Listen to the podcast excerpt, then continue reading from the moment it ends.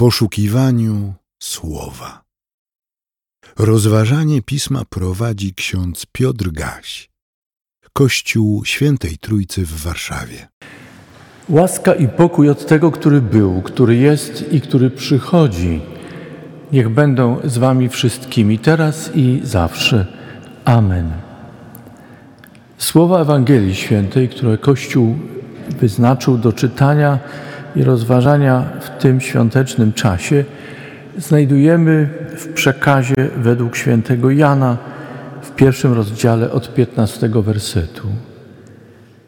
Jan, świadcząc o nim, o Jezusie, głośno zawołał: Ten, o którym powiedziałem, że idzie za mną, zaistniał przede mną, bo był wcześniej niż ja. Wszyscy bowiem wzięliśmy z Jego pełni łaskę za łaską, gdyż prawo zostało dane przez Mojżesza, a łaska i prawda przyszły przez Jezusa Chrystusa. Boga nikt nigdy nie widział. Jednorodzony Bóg, który jest na łonie Ojca, On uczynił go znanym. Dziękujemy Ci, Panie i Boże nasz, za to świadectwo Jana Ewangelisty. Błogosław je w naszych sercach i rozraduj nas przez to słowo dla Twojej chwały i naszego zbawienia. Amen.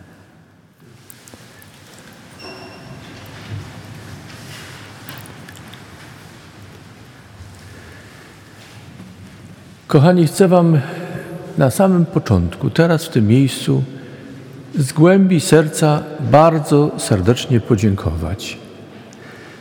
Najcieplej jak potrafię. Chcę Wam dziękować za to, że jesteście. Wam, którzy siedzicie teraz na parterze w Kościele Świętej Trójcy, na pierwszej emporze, wszystkim, którzy uczestniczą w tym nabożeństwie za pośrednictwem transmisji internetowej, z głębi serca dziękuję. Wiecie dlaczego? Wiecie dlaczego? Bo Wasza obecność, czy Wasze uczestniczenie w tym nabożeństwie świadczy o tym, że, powiem to mocno, są chrześcijanie, którzy myślą i którzy y, zauważają to, iż święto objawienia Pańskiego jest dniem, w którym jako chrześcijanie powinniśmy dać wyraz swojej obecności i uczestniczyć w liturgii, w nabożeństwie. Przypominałem o tym, że w minioną niedzielę, że święto Epifanii należy do najstarszych świąt chrześcijańskich. I to, co się stało ze świętem Epifanii na przestrzeni wieków, świadczy o tym, jak następują nieraz przemiany w naszym myśleniu, które gdzieś to, co ważne, istotne, co nasi ojcowie i matki zauważali i doceniali e, w Piśmie Świętym i wydobywali to, próbując to pokazać w liturgii, gdzieś uległo na przestrzeni wieków marginalizacji. To prawda, że y, w naszym kraju przez dziesiątki lat 6 stycznia był dniem pracującym i to nie sprzyjało pielęgnowaniu pamięci o treści, która jest głoszona w święto Epifanii, w święto objawienia Pańskiego. Ale powiedzmy sobie szczerze, bywa tak, że są czasem dni wolne i też nie zawsze przyjdzie nam do głowy, by być, by swoją obecnością udziałem w społeczności modlitwy i rozważania słowa zaznaczyć, że całym sercem wyznajemy tego, który przez swoje słowo oznajmia nam, jak wiele uczynił dla nas i poddać refleksji to, co uczynił dla nas. Stąd nie zawsze w inne ważne święta, choć są to dni wolne od pracy, nie zawsze jesteśmy obecni jak mówię często, nie ma przez nas składanego świadectwa y, naszą obecnością, ale składamy świadectwo pustego miejsca, to znaczy y, jest puste miejsce. Y, moja nieobecność jest zaznaczona przez to, że nie jestem obecna czy obecny. Dobrze, że wracamy w naszym myśleniu do źródeł, do początku. Pytanie jest tylko, co znaczy powrócić do źródła w święto Epifanii. Niektórzy dzisiaj pewnie wracając do domu będziemy widzieli odmienny sposób świętowania w formie orszaków, czasem ekumenicznych orszaków, w których uczestniczą chrześcijanie różnych tradycji. Nikomu nie odmawiam prawa do kreatywności i tworzenia różnych form, które mają przyciągnąć człowieka, by y, nakłonić go do słuchania. Ale muszę Wam powiedzieć, że przyznaję się do tego. Mam duży dystans do takich form, które są taką próbą stworzenia, nazwę to stworzenia chrześcijańskiej rozrywki, która ma przyciągnąć, wciągnąć człowieka. Myślę, że kiedy obejmujemy naszą refleksją święta Narodzenia Pańskiego, zauważamy to, jak także święta Narodzenia Pańskiego, to obchodzone 25-6 grudnia, poprzedzone dniem przygotowania, Wigilią 24 grudnia, jak również te święta uległy na przestrzeni czasu i ulegają na przestrzeni czasu przemianom, stają się coraz bardziej właśnie taką chrześcijańską rozrywką wyjałowioną, wyprutą ze wszystkiego, co jest treścią, która powinna być w centrum całego naszego myślenia. Co znaczy wrócić do źródeł w święto Epifanii? Co znaczy sięgnąć do głębi, do treści, nie zabijając, nie zatracając, nie gubiąc gdzieś po drodze radości, a jednocześnie unikając niebezpieczeństwa pójścia w kierunku tworzenia form, które są chrześcijańską rozrywką zatracającą to, co istotne, co u początku, co jest u źródła. Myślę, że dzisiejsza Ewangelia w znakomity sposób, w prosty, krótki sposób odsłania nam, co jest początkiem, co jest źródłem, co jest istotą, do której winniśmy wracać. Pojawia się w dzisiejszej Ewangelii wspomnienie o Janie Chrzcicielu, ale nie on jest centralną postacią. Jest przypomniane to, co zadziało się wówczas, że po wiekach, kiedy nie pojawił się żaden wielki prorok w Izraelu, niespodziewanie, przynajmniej dla wielu, niespodziewanie pojawia się postać, która porusza. Jego poselstwo nie jest proste, dla wielu jest trudne, bo jest kaznodzieją pokutnym wzywa do upamiętania. Jest w tym bezkompromisowy. Wprost wyraża krytyczne słowo, prorockie słowo w stosunku do elity religijnej ówczesnego świata, arcykapłanów, faryzeuszów, saduceuszów, uczonych w piśmie ogólnie. Wyraża także krytyczne słowo wobec ludzi ówczesnej władzy, urzędników.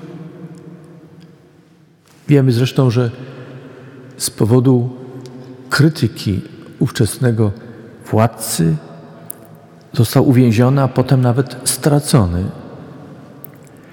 Wreszcie Jan Chrzciciel w prosty, ale bardzo konkretny sposób wzywa do upamiętania, powiedzielibyśmy, przeciętnych, szarych ludzi, mieszkańców kraju, w którym głosi słowo. Ale jednocześnie ten pokutny kaznodzieja jest inny od wszystkich innych pokutnych kaznodziejów. Dlaczego?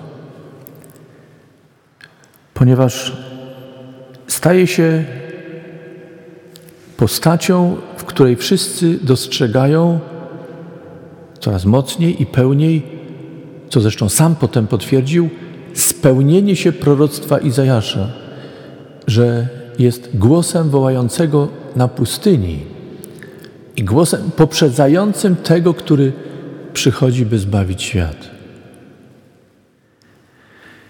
Jeżeli więc dzisiaj wracamy do postaci Jana Chrzciciela, to dlatego, że był tą postacią zapowiedzianą w proroctwie Izajasza, dzięki której świat miał rozpoznać przychodzącego Mesjasza, baranka Bożego, który gładzi grzech świata.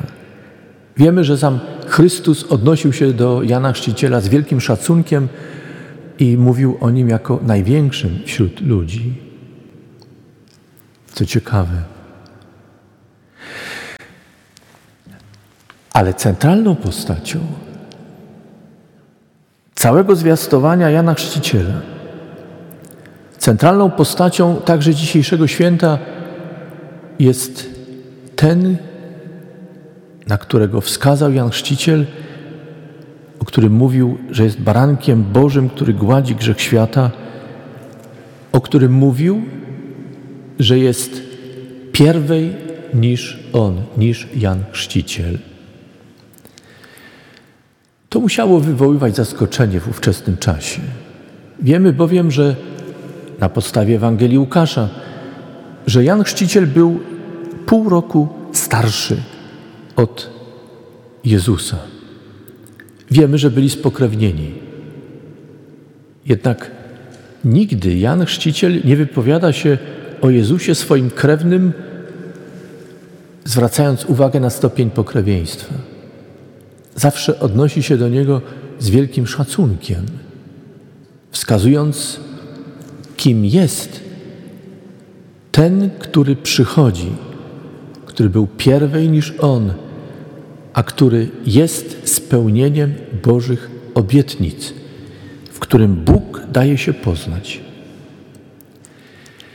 Jeśli znajdziemy dzisiaj czas, proszę Was o to, prześledźcie w Ewangeliach to, co Jan Chrzciciel mówił o Jezusie i jak o nim mówił. Jest to poruszające. Ewangelista Jan świadczy, że przychodzący Pan Jezus jest tym, przez którego poznajemy Boga. To też musiało dziwić i musiało szokować. Jan Ewangelista świadczy o tym tak. Boga nikt nigdy nie widział. Jednorodzony Bóg, który jest w łonie Ojca, On uczynił go znanym. Są przekłady Pisma Świętego, których w miejscu jednorodzony Bóg jest zapis jednorodzony Syn. Są wierzący, czytający Pismo Święte, którzy, odmawiają Jezusowi, Chrystusowi y, tego, że jest Bogiem. Widzą w nim kogoś boskiego, ale nie kogoś, kto z natury swojej, z istoty swojej jest Bogiem. Miałem okazję kiedyś rozmawiać z nimi, prowadzić długie rozmowy i właściwie pod ich wpływem zajrzałem do tekstu greckiego, do źródła, źródłowego tekstu. I chcę Wam powiedzieć, że najstarsze rękopisy Nowego Testamentu używają określenia jednorodzony Bóg, a nie jednorodzony Syn. Być może nie jest to dla Was istotne, bowiem widzimy w Jezusie jako Synu Bożym Boga co do istoty. Niemniej jednak warto zapamiętać, że najstarsze rękopisy y, Nowego Testamentu mówią o Jezusie w tym miejscu jako jednorodzonym Bogu. Nie dopuszczamy się więc żadnej zmiany tekstu Nowego Testamentu i w, żadnym sposób, w żaden sposób nie ujmujemy Bogu, Ojcu naszemu, należnej Mu czci i chwały.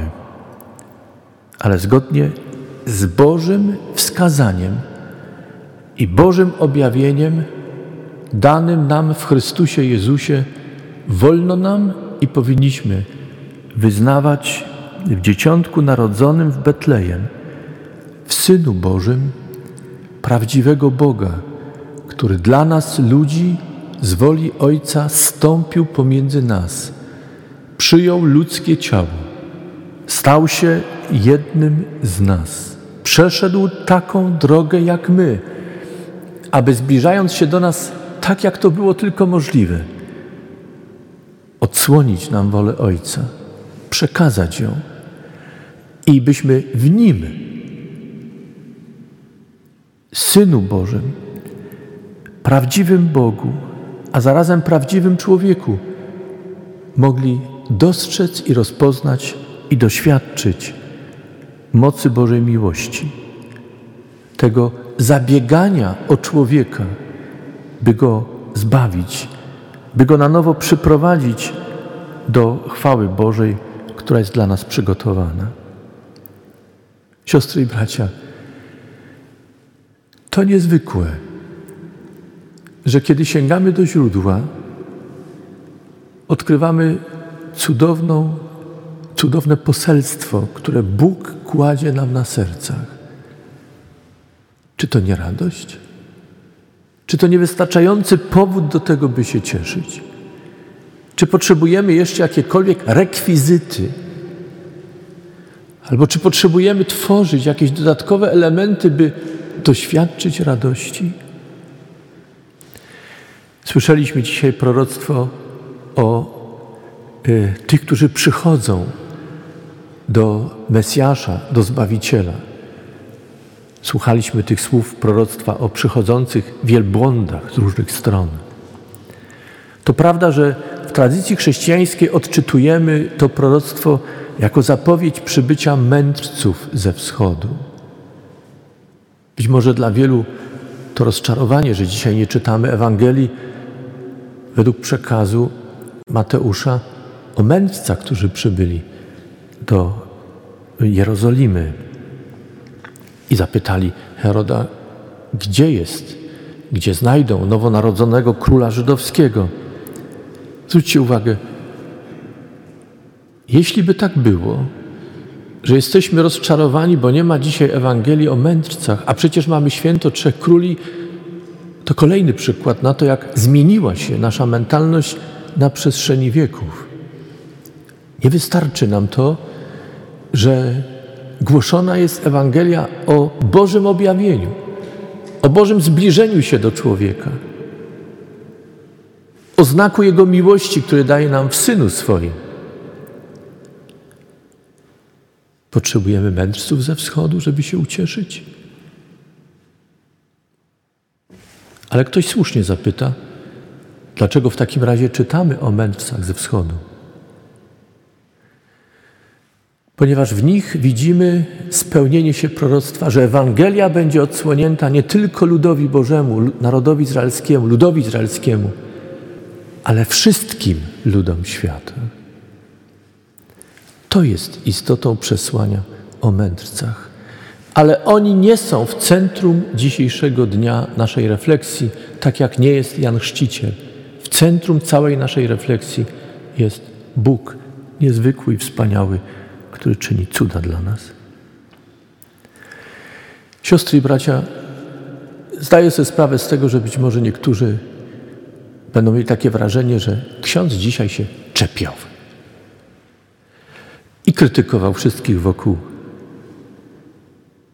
I nie docenia tego, co jest piękne, co jest radosne, co jest wesołe, kolorowe, co przyciąga ludzi, a przecież trzeba najpierw przyciągnąć ludzi, żeby potem im przekazać dobrą wieść. Proszę więc przyjmijcie. Moją intencją dziś nie jest czepianie się kogokolwiek. I moją intencją nie jest krytykanstwo, ale jako teolog, jako powołany do służby Słowa Bożego, jako chrześcijanin, jako człowiek, który stara się myśleć, patrzeć, obserwować, analizować. Staram się doceniać to, co jest piękne i dobre, co pomaga człowiekowi. Ale moim obowiązkiem jest zwrócić też uwagę na to, co jest nieraz niebezpieczne, co usypia naszą czujność, co nas odciąga od istoty sprawy, od początku, od źródła, od tego, który jest przyczyną, powodem, źródłem całej naszej radości. A tym jest Bóg i tylko Bóg. W życiu każdej i każdego z nas przychodzą takie chwile, kiedy musimy wszystko ze swoich rąk wypuścić. Wszystko zostawić. Co pozostaje wtedy? Pustka? Nie. Pozostaje ten, który jest początkiem naszym, źródłem wszelkiego dobra, wszelkiego błogosławieństwa i wszelkiej radości. Bóg jedyny, objawiony w Panu Jezusie Chrystusie. Kładę Wam to na sercach, to znaczy na Waszym myśleniu, zgłębianiu, poszukiwaniu. I modlę się o to, aby Bóg Wam i mnie dał ten dar rozpoznawania ducha Jego i duchów, które nas otaczają i w których to duchach różne rzeczy się czyni i robi w tym świecie. Modlę się o to, abyśmy, będąc otwartymi, jednocześnie myśleli i sięgając do źródła, do Bożego Słowa, do Jego wskazania, wybierali to, co dobre, to, co rzeczywiście syci, karmi, co czyni nas błogosławionymi i szczęśliwymi. Pamiętajcie, pamiętajcie proszę, że na mocy Chrztu Świętego nie tylko ja jestem powołany do tego, by patrzeć, myśleć, czytać, zgłębiać i świadczyć. To jest powołanie każdego i każdej, kto jest ochrzczony, kto należy do Chrystusa. Mamy być w tym świecie i idąc w te najlepsze wzorce, które są nam dane w Piśmie Świętym, w ślady mędrców ze wschodu, którzy szukali, reagowali, w ślady Jana Chrzciciela, który był posłuszny, wierny Bogu, bezkompromisowy w tym, co głosił i mówił, odwołaniu się do Bożego wskazania, do Bożego Słowa. Idąc w ślady Marii, uczniów pańskich, bądźmy świadkami dobrymi naszego Pana, zawsze sięgającymi do źródła, do początku. Amen. Przyjmijcie życzenie pokoju.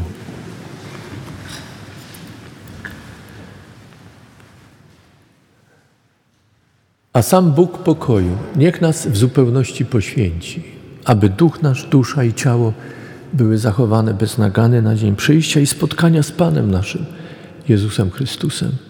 Amen. Więcej materiałów na www.trójcawaw.pl